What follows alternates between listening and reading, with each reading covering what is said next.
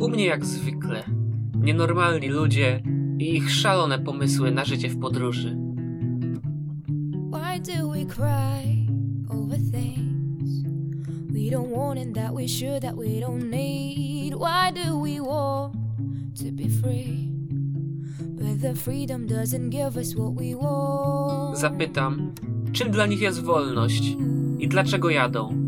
Będzie także mnóstwo opowieści o krajach, kulturze i ludziach. Serdecznie zapraszam. Gorąco witam wszystkich słuchaczy. Ja się nazywam Filip Jesionowski, a to jest nietypowy podcast podróżniczy. Dzisiaj jedziemy do Indii, a ja pytam, jakie są prawdziwe Indie? Będzie o obrazie indyjskiej ulicy, aranżacji małżeństw, a także o innych kulturowych zawiłościach. Wybierzemy się także w podróż słynnym indyjskim pociągiem z całą jego pikanterią.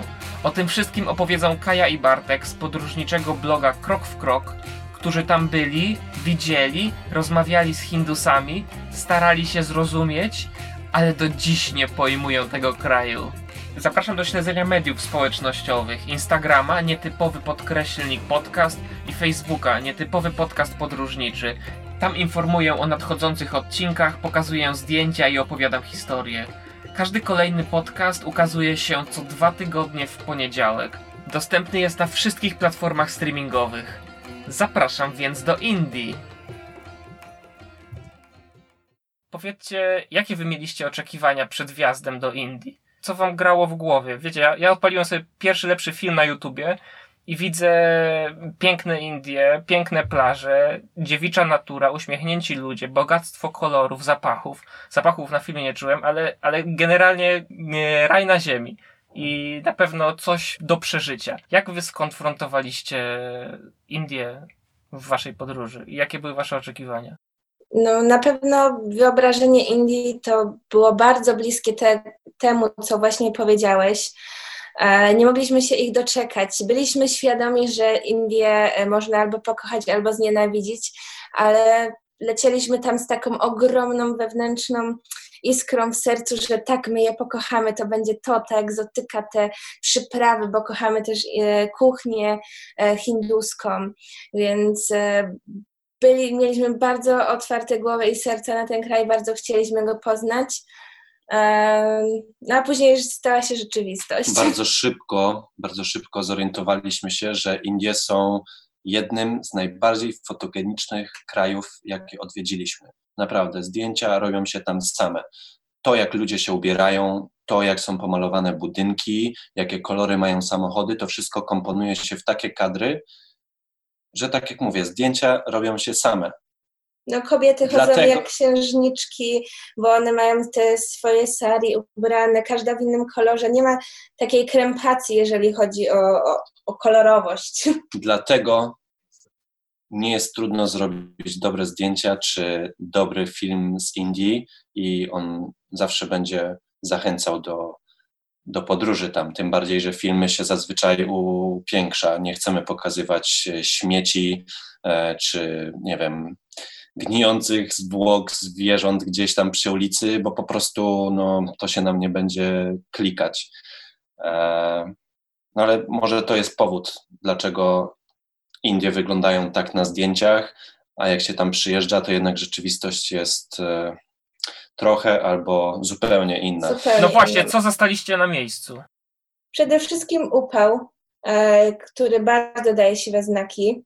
E, Pamiętam pierwsze wrażenie, wylądowaliśmy, przylecieliśmy z Gruzji do New Delhi, wysiedliśmy z lotniska i uderzyła nas e, mgła. Wszędzie była mgła, ale taka nieopisana, że to aż było niesamowite, wiesz, stolica, centrum miasta, tutaj takie po prostu, to aż dziwna była ta mgła. Bardzo szybko się dowiedzieliśmy, że to niestety nie była mgła, tylko to było zanieczyszczenie powietrza, które było tak duże, że nie było widać tak naprawdę parę metrów w przód. Mogłeś patrzeć bezpośrednio w słońce przez calusieńki dzień, bez problemu. Dowiedzieliśmy się, że to były ostatnie dni festiwalu Diwali. Na koniec e, całe miasto strzela fajerwerkami. No i powiedziano nam, że słuchajcie, ale to jest normalne. Teraz trzeba poczekać na deszcz, bo po prostu ten cały dym z fajerwerek został w mieście. Jak spadnie deszcz, to e, będzie normalnie. E, no pytamy się, a kiedy spadnie ten deszcz? Nie wiadomo, może za miesiąc. Mieszkając jeszcze w Londynie, e, korzystamy często z, e, z aplikacji Couchsurfing i jesteśmy gośćmi, ale też hostowaliśmy w Londynie różnych ludzi i przyjechał raz do nas e, Hindus. Złapaliśmy tam wspólną, wspólną nić porozumienia i jak on się dowiedział, że jedziemy w taką podróż, to zaprosił nas do siebie. Odwiedziliśmy go tam i pamiętam w Londynie on nam mówił, wow, wy tutaj w Europie to jesteście tacy wysportowani, ciągle ktoś biega, jeździ na rowerze, uprawia jakiś sport w parku, że to jest takie niesamowite. No my, no jak to, a w Indiach się tego nie robi? On, no co wy? Przecież w Indiach jest takie zanieczyszczone powietrze, że do sklepu 500 metrów podjeżdża się tuktukiem. Nie byliśmy w stanie w to uwierzyć. Jak wylądowaliśmy w Indiach, to to zrozumieliśmy. Bo sami jeździliśmy po 10 metrów tuk-tukiem. No. Może trochę przesadzam, ale rzeczywiście... Um... Było ciężko. Pierwsze, pamiętam, e, pierwsze trzy dni właśnie spędziliśmy w New Delhi i e, host, inny e, chłopak wyznaczył nam takie rzeczy, które możemy sobie zwiedzić. I zobaczyliśmy jedną z tych pięciu rzeczy, po czym pojechaliśmy do parku i poszliśmy spać. Spaliśmy po prostu na trawie w parku, bo byliśmy tak zmęczeni tym smogiem, tym powietrzem, które drażniło nas w oczy, w nos, w gardło, wszystko nas bolało, czuliśmy się bardzo ospani e, właśnie przez tą intensywność tego powietrza. A jak wygląda ulica? W umysłach plątają nam się jeszcze wspomnienia palących się śmieci, duszącego odoru ulic, pokrytych fekaliami, plastikiem i ludźmi, których oczy błagają o pomoc. No, wyobraź sobie, że właśnie pierwszą noc spędziliśmy u gościa z couchsurfingu. Mieszkał w e, jednej z biedniejszych dzielnic New Delhi, ale nazwy teraz nie przytoczę, bo nie pamiętam. E, no I problemem tam jest wywóz śmieci, a właściwie to jego brak. E, ludzie też mają inne zmartwienia, bo chcą, chcą tak naprawdę przetrwać, chcą coś zjeść, chcą wyżywić swoją rodzinę i są to problemy, z którymi zmagamy się teraz w Europie. Segregacja śmieci, zdrowsze odżywianie, ale tylko dlatego, że uporaliśmy się już z większymi problemami. Tam te problemy dalej istnieją, więc ludzie nie mają na to czasu. Więc wyobraź sobie, że jesteś w mieszkaniu. Jego mieszkanie było naprawdę ładne, bo gościu prowadził sobie firmę, więc czyste płytki, szyby i tak dalej i otwierasz drzwi wyjściowe, e, wychodzisz na ulicę i patrzysz na obdrapane budynki, na ulice, po których turlają się śmieci. Dodatkowo po środku ulicy jest kanał i w ten kanał wszyscy wrzucają jeszcze więcej śmieci. Po prostu jest rzeka śmieci zamiast wody jakiejkolwiek. Więc wyobraź sobie różno, różnokolorową, e, plastikową górę po środku ulicy. Jest zdjęcie na naszym Instagramie, które idealnie to e, obrazuje. Jeżeli ktoś ma ochotę, to zapraszamy. Bo jest to, jest to dokładnie to miejsce.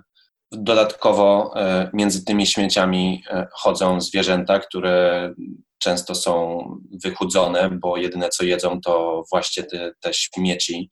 Plastik. Między tym wszystkim, e, bo po lewej i po prawej stronie są jakieś e, sklepy, miejsca, gdzie gdzie ludzie przygotowują jedzenie, więc w tych warunkach na ulicy jest przygotowywane jedzenie, bo e, tak naprawdę street food jest tam bardzo rozwinięty, ale nie jest to street food, który my znamy z Europy. Po prostu jest to jedzenie na ulicy i nic więcej za tym nie stoi. No i teraz możemy sobie wyobrazić taką sytuację, że chcesz ugotować obiad, potrzebujesz e, kupić do tego mięso, więc idziesz na tą ulicę, której jest kurz, pył, te śmieci, które się wszędzie walają, smród tych fekaliów i tych śmieci rozkładających się w koło. Idziesz do pana, witasz się z nim, tutaj dzień dobry, poproszę kurczaka i ten gościu bierze tego kurczaka i na twoich oczach po prostu na takiej brudnej, drewnianej desce kroić tego kurczaka i wszędzie latają muchy, siadają na to mięso, masz od razu w głowie, co tam się musi dziać na tym mięsie, bo to jest ten upał, ten pył, te muchy i tak dalej, a dla nich to nie ma najmniejszego problemu, nawet na to uwagi nie zwracają. Właśnie, do tego całego obrazu trzeba dodać ludzi, którzy po prostu idą sobie w parach, gawędzą, tak jakby sobie szli na spacer po mieście, dzieci się bawią, ganiają, nie wiem, robią Za sobie zabawki z tych śmieci nawet. Tutaj ktoś przy ulicy coś gotuje, rozmawiają, plotkują, po prostu Tutaj zauważyli, że Normalne- idzie dwóch białych ludzi, więc o cześć, co tu robicie? A możemy sobie zrobić razem zdjęcie, wyciągają telefony, robimy sobie selfie. A co tu robicie, gdzie mieszkacie w ogóle, skąd się tu wzięliście? I jakby to są tak dwa różne światy. Z jednej strony taka normalność, bo oni tego, no myślę, że dla nich to jest po prostu codzienność i już na to nie, tak nie zwracają uwagi, a z drugiej strony coś, co nas bardzo uderzyło. A da się pojechać do Indii i tego nie zobaczyć? Wyjechać Oczywiście, z da. pięknymi wrażeniami pięknych plaż i bogactwa, bogactwa kolorów, jakiejś duchowości i tak dalej? Tak, oczywiście, że się da, tylko że to musi być taka wycieczka, że na przykład sobie planuję, ok, lecę do Indii, lecę w to i w to miejsce, nie wiem, mam wykupiony na przykład hotel i na przykład do Goa można polecieć, tam jest bardzo dużo takich ośrodków medytacyjnych, treningów jogi, yoga przy wschodzie słońca, zachodzie, na plaży, jakieś bieganie, bary, to wszystko jest robione pod turystów. Ale, ale prawda też jest taka, że nie tylko turystyczne miejsca są piękne, bo tak jak w każdym kraju mamy miejsca, których możemy się powstydzić. I są miejsca, które no akurat były wybudowane trzy lata temu, ktoś y, zdobył pieniądze albo jakiś inwestor przyszedł, postawił coś fajnego, e, dookoła jest zielono, bo ktoś to utrzymuje, no i super, jest piękny obrazek, ale chcesz się potem przemieścić z tego punktu do drugiego punktu, równie pięknego, tylko że pomiędzy tymi dwoma punktami są rzeczy, o których Nikt no, nie chce mówić tak naprawdę. wszyscy zapomnieli. Tak, ale India to nie jest to, nie jest to co widzimy na pięknych obrazkach chyba, prawda? Wiesz co, mi się wydaje, że podsumowanie Indii to najlepiej by było powiedzieć, że to jest kraj jednego wielkiego kontrastu, bo mają wspaniałą przyrodę, naprawdę mają przepiękne miejsca. Ci ludzie naprawdę mają bardzo dobre serca, oni chcą dla ciebie jak najlepiej. Oni nie chcą cię oszukać, nie chcą zrobić czegoś złego. E, Właśnie jak miałbym się tylko wtrącić, to jeżeli miałbym wrócić do Indii, to właśnie dla ludzi. Tak. I też właśnie tak jak e, tutaj chciałam tylko jeszcze dodać, na przykład to Goa, o którym wspominałam, to jest zrobione pod turystów, ale też ludzie z Indii tam jeżdżą, bo lubię, lubią po prostu tam jeździć, bo, bo to jest takie miejsce, gdzie właśnie są ładne plaże, gdzie można odpocząć, gdzie można się napić alkoholu, bo w większości kraju nie można. Więc to jest też taki, takie miejsce, oaza dla nich, takie odskocznie od tej rzeczywistości.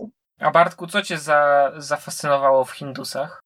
Przede wszystkim to, że nie boją się uśmiechać przez życie w Polsce, bo nie będę mówił o całej Europie, nie mieszkałem w każdym europejskim kraju, ale w Polsce ludzie dziwnie reagują na uśmiech, a jest to przecież coś tak naturalnego i Pięknego. ludzkiego, że powinniśmy się tym dzielić. Po prostu nawet pomimo tych wszystkich śmieci, to, że był smród, to, że jakieś zwierzęta umierały, a nieczęsto po prostu myśleliśmy, że ludzie umierają leżąc na chodniku, to pomimo tego uśmiechając się do ludzi i to, że oni się uśmiechają do ciebie, no napawać taka pozytywna energia, że no może nie mamy najmilszych wspomnień z Indii, ale właśnie przez te uśmiechy ludzi chcemy tam wrócić. Dodatkowo em, też myślę, że są bardzo otwarci. Przez to, że nie wiedzą do końca, co to jest ta e, strefa komfortu, to łatwiej jest z nimi Nawiązać kontakt. tak, wejść w taką bliższą interakcję. Jeżeli ktoś e, nie jest taką osobą skromną i taką, co się wstydzi, to, to znajdzie tam zrozumienie, tak, bo oni sobie cenią to, że, że się z nimi pośmiejesz, e, że Coś im opowiesz, bo Tak. są bardzo ciekawi też świata. nie kryją się jakby ze swoją kulturą. Na każde pytanie nam odpowiedzieli, nawet jeżeli coś było niewygodne, to, to też o tym mówili, bo żyją w tym kraju i też pewne rzeczy im się nie, Nie podobają, podobają. więc e, otwarcie o tym mówią. No fajne było to, że mieliśmy możliwość porozmawiać z nimi e, na przykład na to, jak wygląda małżeństwo w Polsce, jak wygląda małżeństwo w Indiach, jak, on, jak niektórzy uważali, że to jest dobre rozwiązanie, inni ro, uważali, że to jest złe. No to trzeba im oddać, że naprawdę lubią ten kontakt i wydaje mi się, że to ratuje ten kraj najbardziej, że oni no, są po prostu fajni, no. A jak wygląda małżeństwo w, w Indiach?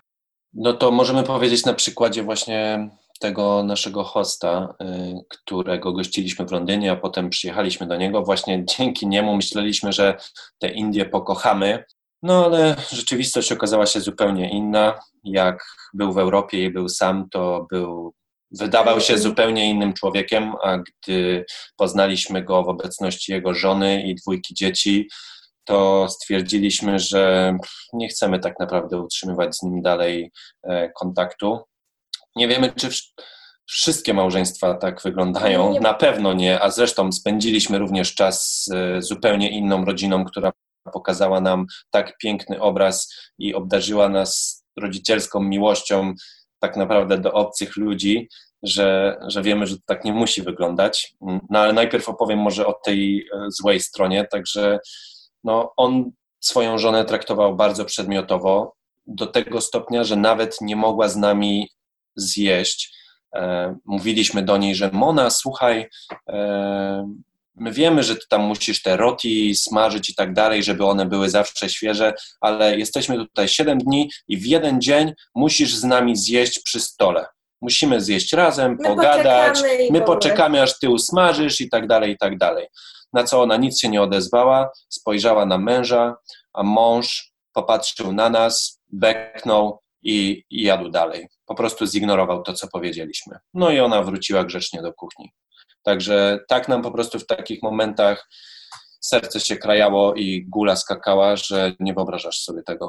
Ja to jeszcze chciałam powiedzieć e, od samego początku, że przede wszystkim w Indiach e, bardzo e, małżeństwa są aranżowane w większości, nie wszędzie, bo, bo są takie rodziny, które już od tego odchodzą i pozwalają dzieciom ożenić się z miłości. Te aranżacje też zależą bardzo dużo od rodzin, bo niektóre rodziny e, po prostu mówią, ok, żenisz się z tą osobą, koniec, kropka i oni się nawet nie mogą poznać. E, te bardziej takie nowoczesne rodziny, które dalej aranżują małżeństwa, to wygląda w ten sposób, że e, młodzi się umawiają, oczywiście tam ze swatką, bo nie mogą być sam na sam. Umawiają się na przykład na taki okres próbny 2-3 miesiące, no i jak im się tam spodoba ta relacja, no to będzie ślub. A jak nie, no to po prostu rodzice szukają na przykład następnej kandydatki na żonę, no i sytuacja się powtarza. Następna rzecz jest taka, że niby nie ma już kast i nie ma tego podziału społeczeństwa na biednych i bogatych, ale to jest w moim odczuciu takie dalej niby. Jak rozmawialiśmy właśnie z tym facetem, którego tam spaliśmy i który nie najlepiej traktował swoją żonę, bo znaczy on, on nic jej złego nie mówił, ale po prostu były takie drobne rzeczy, jak właśnie siedzenie przy stole razem, które nas uderzały. E, I on właśnie mówi, że no tak, no bo tutaj jednak jak on tam pracuje w firmie, która montuje anteny e, z sygnałem internetowym, no to on już jest na wyższym poziomie, no i on tutaj nie może, e, przecież jego syn nie, nie ożeni się z byle kim. On, on, ta żona będzie musiała mieć jakąś tam przynajmniej szkołę, coś tam, jakiś status społeczny, czyli niby nie ma tego podziału na kasty, a jednak jest to tak no nie, nie ma takiej możliwości, jak my próbowaliśmy, a jeżeli ja bym była na przykład, e, nie wiem, Bartek byłby prawnikiem, a ja bym była sprzątaczką, ale byśmy się bardzo kochali, to czy moglibyśmy się pobrać? To on nam powiedział, że nie. No bo jak to prawnik ze sprzątaczką? No, prawda jest też taka, że dowiedzieliśmy się, że rząd y, podejmuje bardzo wiele akcji, które mają za zadanie zerwać z takimi przyzwyczajeniami kulturowymi, które hamują rozwój kraju i działają na, na niekorzyść ludzi, ale ten kraj jest tak wielki, w dodatku przeludniony po brzegi, że ludzie po prostu nie chcą z tym zerwać. Dobry przykład to e, są znaki, żeby nie pluć, bo oni tam żują po prostu betel. To są takie liście, które barwią ci ślinę na czerwoną, dają trochę takiego odlotu, coś jak rzucie tytoniu, tylko to jest inna roślina i wszyscy tym plują, więc chodniki były brudne, więc zrobili znaki, e, proszę nie pluć. Ten znak jest na przykład e, na jakimś urzędzie, tak, instytucji państwowej. I jak ten znak wygląda po Jest paru latach, popluty. jest cały popluty tym, tą czerwoną śliną.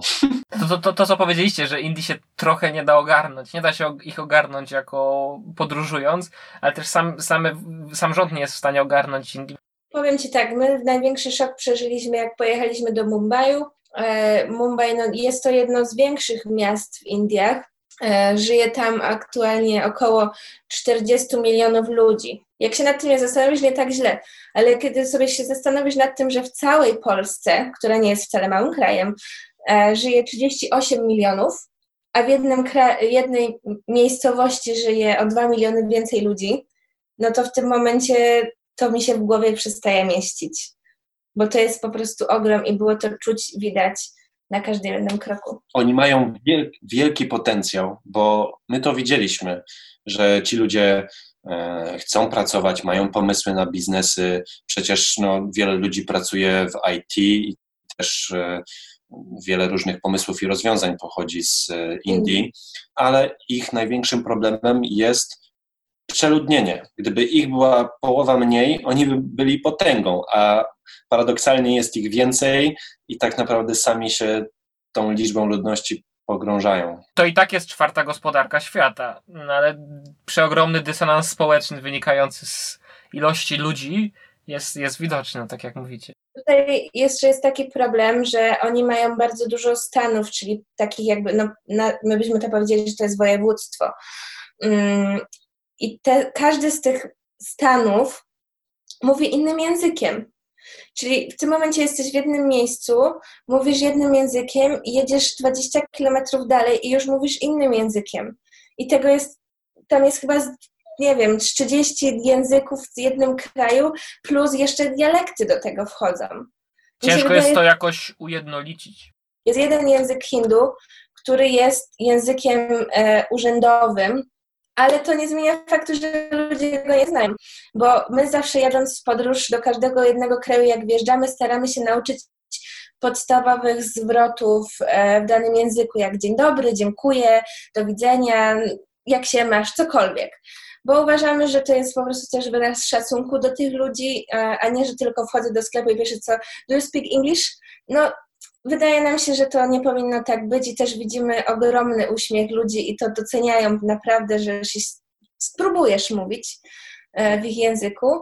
No więc nauczyliśmy się podstawowych zwrotów e, w języku hindi i podróżując po kraju wielokrotnie spotkaliśmy się z tym, że ludzie nie wiedzieli o co nam chodzi, mimo to, że my to dobrze wypowiadaliśmy. Później ktoś im mówi, no przecież on mówi to, bo ktoś przetłumaczył, bo jakaś tam trzecia osoba już zrozumiała. E, I oni mówią nam, nie, to u nas się nie tak mówi. U nas się mówi zupełnie inaczej. Powiedzcie, jak wy się przemieszczaliście po tych Indiach? Wróćmy trochę do waszej podróży. Je- Jeździliście autostopem po Indiach rzeczywiście? Oczywiście, że jeździliśmy A raczej próbowaliśmy. cały jeden dzień. A dlaczego tylko jeden dzień? Powiem Ci tak, to nie było tak, że się kompletnie poddaliśmy, bo właśnie chcieliśmy spróbować tego autostopu, żeby móc też powiedzieć, że no, autostopowaliśmy w Indiach. No ale skończyło się tylko na jednym dniu. Powód był, powodem było to, Ja widzę tutaj dwa aspekty. Pierwszy aspekt był taki, że naprawdę em, to gorąco, które tam jest i to, to powietrze, które jest w większości miejsc, powoduje, że bardzo szybko ci się odechciewa stać na poboczu, bo bardzo łatwo, na przykład jestem osobą bardzo wrażliwą na słońce i bardzo łatwo jest o udar słoneczny. Więc e, staraliśmy się gdzieś tam chować w cieniu, co nie było proste, bo naprawdę jest ta pogoda uciążliwa. Ale gdyby tam tylko to była pogoda, to nawet nie byłoby to taki problem. Próbowalibyśmy jeździć dalej, ale w Indiach każdy chce zarobić na wszystkim. Więc jeżeli widzi dwóch białych na ulicy, to znaczy, że mają jakiś problem, potrzebują pomocy, potrzebują podwózki. No to trzeba za podwózkę zapłacić. I teraz ty stoisz i zanim i podjeżdża pierwszy tuk-tuk. Taksi, taksi, taksi. Mówisz nie. Podjeżdża następny i następny i za każdym razem musisz mówić nie. W międzyczasie zatrzymują się auta osobowe i każdy jeden z nich, no to ja cię odwiozę na dworzec i tam sobie pojedziesz autobusem, tam gdzie chcesz. No i tłumaczysz, nie, bo my podróżujemy autostopem, to jest za podwór, tak po kawałku jeździmy, nie chcemy na dworzec i tak dalej ale ta osoba chce ci bardzo pomóc, więc się o ciebie martwi, więc będzie z tobą stała, dopóki nie zatrzyma się jakiś inny, e, na przykład taksówka albo tuk-tuk, albo ktoś jeszcze podjedzie, oni sobie wytłumaczą. Oczywiście nie zrozumieją, bo jakby nie dociera do, ich, do nich cała idea autostopu. E, I zaczyna się nakręcać spirala, no i zaczyna się robić tłum wokół nas, więc jak my mamy łapać stopę, jak wkoło nas stoi już 10 osób? Więc znowu tłumaczymy, że nie, my sobie poradzimy, wszystko jest ok, i my na przykład musieliśmy odpuścić na chwilę, usiąść sobie i powiedzieć, my sobie damy radę. I jak oni wszyscy się rozeszli, próbowaliśmy znowu, ale kółeczko się zamykało, bo znowu podjeżdżały, znowu podjeżdżały kolejne auta, ale my was odbierzemy na dworzec. No i też wybraliśmy sobie miejsca do zobaczenia, które były od siebie od, oddalone o na przykład tysiąc kilometrów. I teraz nie byłoby problemem, jeżeli pojechalibyśmy tylko w jeden region Indii i żeby tam sobie podróżować stopem. Myślę, że jakoś byśmy to zorganizowali. No ale tutaj, kiedy e, chcemy przejechać tysiąc kilometrów i mamy do pokonania parę problemów, takich jak pogoda, zanieczyszczenie powietrza, śmieci, e, te tłumy, które się przy nas gromadziły, jak staliśmy przy ulicy, e, problem logistyczny wyjścia na wylotówkę, bo nie wiadomo, gdzie ona jest, nie wiadomo, gdzie to miasto się kończy, żeby nie już... się miasto. No to okazywało się, że, że nie jedziemy autostopem, bo cena pociągu bardzo nas zachęcała, bo jazda w najniższej e, klasie e, to jest koszt rzędu 30 zł za 1000 kilometrów. No właśnie, powiedzcie coś więcej o tych pociągach, bo mnie, ja słyszałem, że pociągi w Indiach są nieco mityczne. Trochę są. Są mityczne, ale nadal istnieją. Powiem Ci, że jak się jedzie do Indii, to naprawdę warto spróbować. To była fantastyczna przygoda. Jechaliśmy w sumie cztery razy e, i głównie jechaliśmy tą najtańszą właśnie klasą, e, znaczy nie najtańszą, bo najtańsza to jest taka klasa, która nie ma przedziałów, nie ma miejsc siedzących, po prostu masz możliwość tam się wcisnąć jak sardynka i jedziesz. No ale ponieważ trasa z tysiąca kilometrów, no to jest, umówmy się, na przykład 10 albo 12 godzin jazdy pociągiem, e, no to wybieraliśmy najtańszy taki e, pociąg z kuszetką, z miejscem do spania. E, przedziały są otwarte, jest dużo ludzi, nie ma klimatyzacji, okna są otwarte, nad głową są tylko takie wiatraki, które usilnie próbują zamieszać tym gorącym powietrzem, ale jest bardzo ciekawie, bo ludzie są w szoku, że jak to, czemu ty jedziesz tym pociągiem, czemu ty jedziesz z nami? Bo większość białych y, wybiera klasę z klimatyzacją, bo jest tam wiele klas, nie tak jak e, w Polsce na przykład, gdzie masz klasę pierwszą i drugą, pierwszą i drugą tylko tam nie wiem ile dokładnie, ale jest, jest ich e, kilka i nawet te z klimatyzacją dzielą się jeszcze na jakieś tam podklasy, gdzie różnią się standardem takim, że na przykład dają ci pościel, albo ci nie dają, albo jakość posiłków, to czy na przykład wchodzą do pociągu osoby z ulicy sprzedające jedzenie, czy wchodzi tylko obsługa pociągu, e, która sprzedaje autoryzowane posiłki, więc tu tkwią te różnice. No ale myślimy, że największą przygodą było jednak przejechanie się tą, tą, tą najniższą klasą, bo tam jedzie jakby. Mm, Największy przekrój społeczeństwa, bo jadą tak. osoby, które są biedne i jadą osoby, które są biznesmenami. Naprawdę jest du duży e, przekrój ludzi i oni naprawdę są zainteresowani tym, dlaczego ty tam jesteś. Dzięki temu masz wspaniałą możliwość porozmawiania z tymi ludźmi na dowolny temat, o czym tylko sobie marzysz, o tego, czego nie rozumiesz, oni ci wytłumaczą, bardzo chętnie ci pomogą. E, ciekawostką dla nas było to, że w, w hinduskich pociągach e, zamawia się, można zamówić sobie jedzenie, na przykład dzwonisz do restauracji i to tak jakbyś jechał, nie wiem, z Krakowa do Katowic, nie wiem, z Krakowa do Wrocławia przez Katowice, więc w Krakowie sobie zamawiasz pizzę e, na peron w Katowicach do tego i tego pociągu i ktoś ci przychodzi i po prostu e, daje ci posiłek, ten co sobie zamówiłeś z menu, płacisz sobie do, do tego pana i nie musisz, dalej. Nie musisz wyjść na stację, tylko znajdą twoje miejsce Siedzenie, i ci dostarczą nie? do twojego siedzenia bo e, też dobre jest to, że mm, no, pociągi zazwyczaj są dalekobieżne i jest to dobrze pomyślane, że na większych stacjach co jakiś czas pociągi zatrzymują się na przykład na 20 minut, dają sygnał do odjazdu, tak 10 sekund przed odjazdem, więc masz czas, jak jesteś na tej stacji, wskoczyć z powrotem, a na stacjach jest co? Dużo jedzenia, więc e, my zrobiliśmy ten błąd, że w pierwszą podróż pociągiem mówimy, no kurczę, jedziemy 20 chyba 8 godzin, no to trzeba wziąć coś do jedzenia i było tak gorąco, że jedzenie nam się w tym czasie, zanim je zdążyliśmy zjeść, zepsuło, skisło. No. skisło. Następny raz już nie kupowaliśmy nic, bo na każdej stacji można dostać jedzenie, plus wchodzą do pociągu osoby, które jedzenie sprzedają, plus można zamówić sobie jedzenie na stację. Możemy to zainicjować, jak, jak brzmi e, hinduski pociąg. Zatrzymujesz się na stacji i w momencie wsiada z każdej strony, do każdego e, przedziału ludzie, nie? I oni sprzedają wszystko.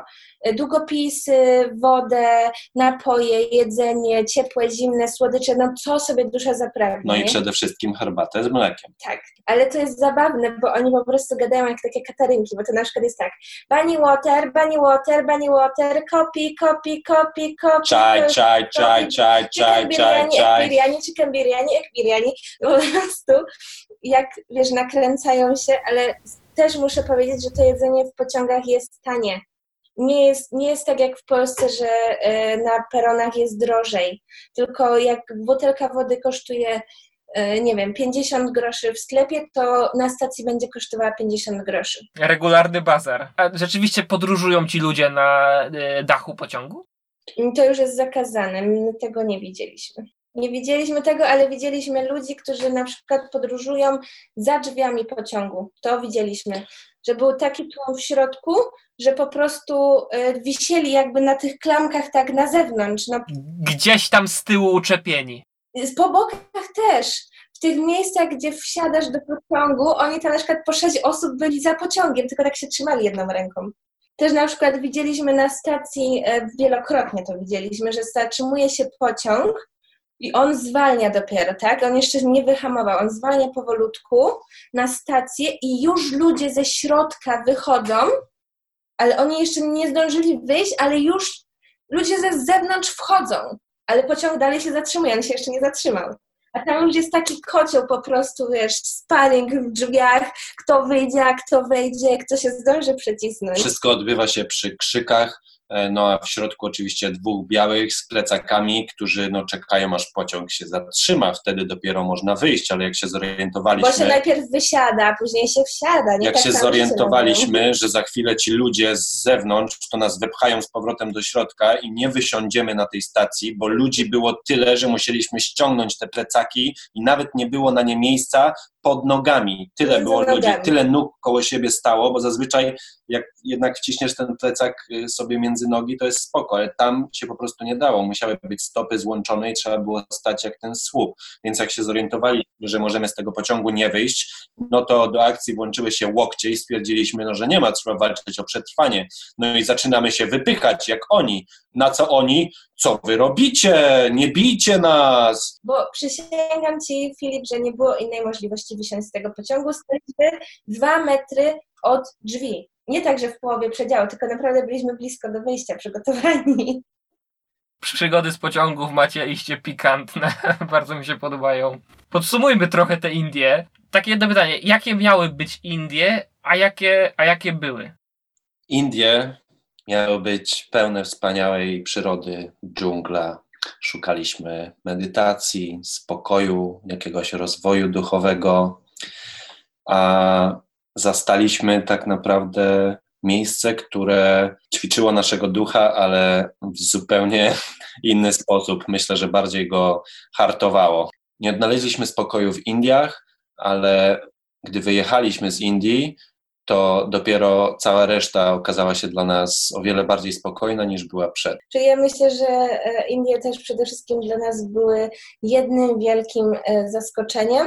E, było lekcją, lekcją każdego dnia, na pewno. Codziennie uczyliśmy się czegoś nowego i mieliśmy oczy szeroko otwarte, bo cały czas byliśmy zaskakiwani na każdym jednym kroku. No i też są kraje, do których jeździ się łatwo, bo są przygotowane pod turystów, i są bardziej przystępne, a nie można zapominać, że Indie to jest kraj, wyzwanie. Jeżeli ktoś oczekuje tam, że pojedzie i to on będzie zmieniał Indię, to niestety, ale grubo się pomyli, bo to zawsze Indie zmieniają człowieka i albo popłyniesz z prądem, albo po prostu potargasz sobie tak nerwy, że następne parę miesięcy spędzisz w szpitalu psychiatrycznym.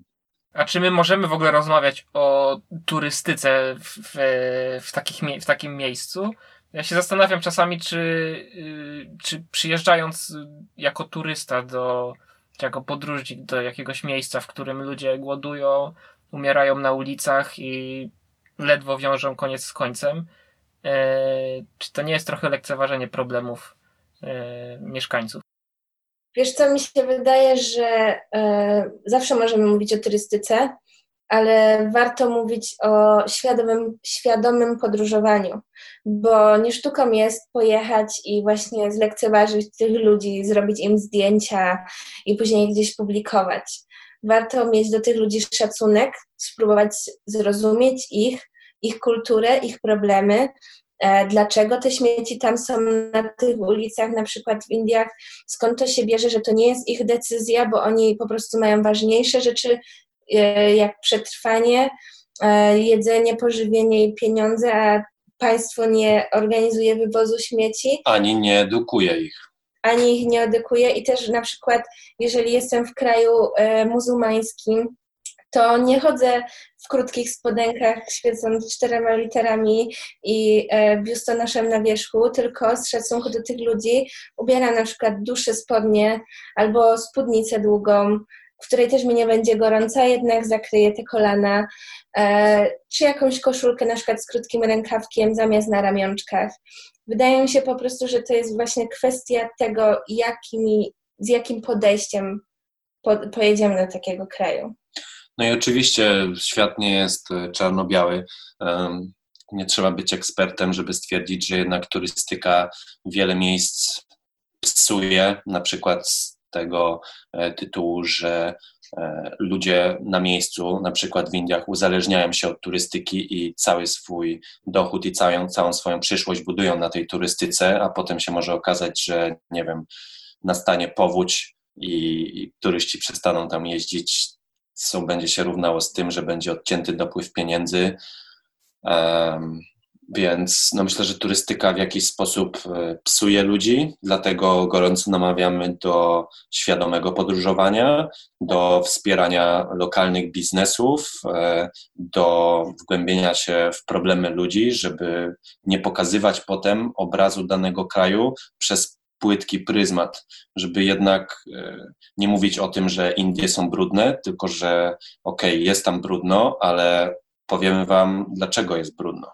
Warto się po prostu nad tym zastanowić, bo ja wiem, że to tak trochę brzmi, że te Indie były takie straszne e, i w naszej perspektywie wtedy takie były ale teraz z perspektywy czasu widzę to, że tak naprawdę Indie nas wiele nauczyły i pokazały też wiele dobrych rzeczy i naprawdę jest tam co zobaczyć. Jest wspaniała przyroda, wspaniali ludzie, jest wiele dobrych miejsc, tylko po prostu trzeba się, myślę, dobrze przygotować do, do zwiedzania Indii. No i też prawda jest taka, że no, pytanie dotyczyło tego, czy, czy możemy mówić o turystyce, czy to nie jest lekceważenie ludzi. Myślę, że w każdym kraju jest bieda, no i to w mniejszym lub większym stopniu, ale to nie znaczy, że nie można tam podróżować. Wręcz przeciwnie, na przykład z jednej strony turystyka psuje, a z drugiej no, wiele obszarów e, dzięki nim się rozwinęło. Wiele ludzi było bezrobotnych, ale stwierdziło, że okej, okay, teraz pójdę w turystykę i, i, mają się dobrze. może to im otworzyło jakieś perspektywy, może wreszcie uwierzyli w siebie. Albo zadbali o jakiś region, o przyrodę, za, na przykład zamiast niszczyć i śmieci, zaśmiecać dane miejsce, postanowili, o, no dobra, może tutaj możemy zamknąć ten teren i chronić tą przyrodę, dzięki temu ludzie przyjeżdżają i na przykład mamy dodatkowe środki na coś innego w danym regionie, prawda? Więc no wszystko, wszystko ma swoje plusy i minusy. To nie Jest- da się tak patrzeć czarno Jest to bardzo złożony temat i, i myślę, że prawda leży gdzieś po środku, no bo nie można teraz powiedzieć, że okej, tylko co drugi turysta może wjechać, bo jest was za dużo. Nie można tak zrobić, bo byłaby to dyskryminacja, więc e, no, powinniśmy się zawsze zastanowić, jak jesteśmy na tych wakacjach, e, czy może robimy coś źle e, i czy miejsce, do którego przyjechaliśmy, możemy zostawić e, trochę lepszym I tą myślą zakończmy ten, ten epizod. Bardzo mi się podoba wasza samoświadomość życia, podróży. I, I mam nadzieję, że, że jeszcze będziecie chcieli ze mną porozmawiać i opowiedzieć o swoich przygodach słuchaczom. Dziękuję wam bardzo. Bardzo miło, dziękujemy również i zapraszamy też na naszego Instagrama. Można tam pośledzić trochę naszą historię, też co się działo u nas w podróży. Jak się nazywa Instagram? Krok w krok. Pięknie. Także zapraszamy na Instagrama. Bardzo wam dziękuję Bartku i Kaju i, i, i do usłyszenia. Dzięki Dziękujemy. wielkie. Cześć. Świetnie się rozmawiało. Cześć. Gorąco dziękuję wszystkim za wysłuchanie. Zapraszam na Instagrama i Facebooka nietypowego podcastu. Ja się nazywam Filip Jasionowski, a to był nietypowy podcast podróżniczy. Do usłyszenia.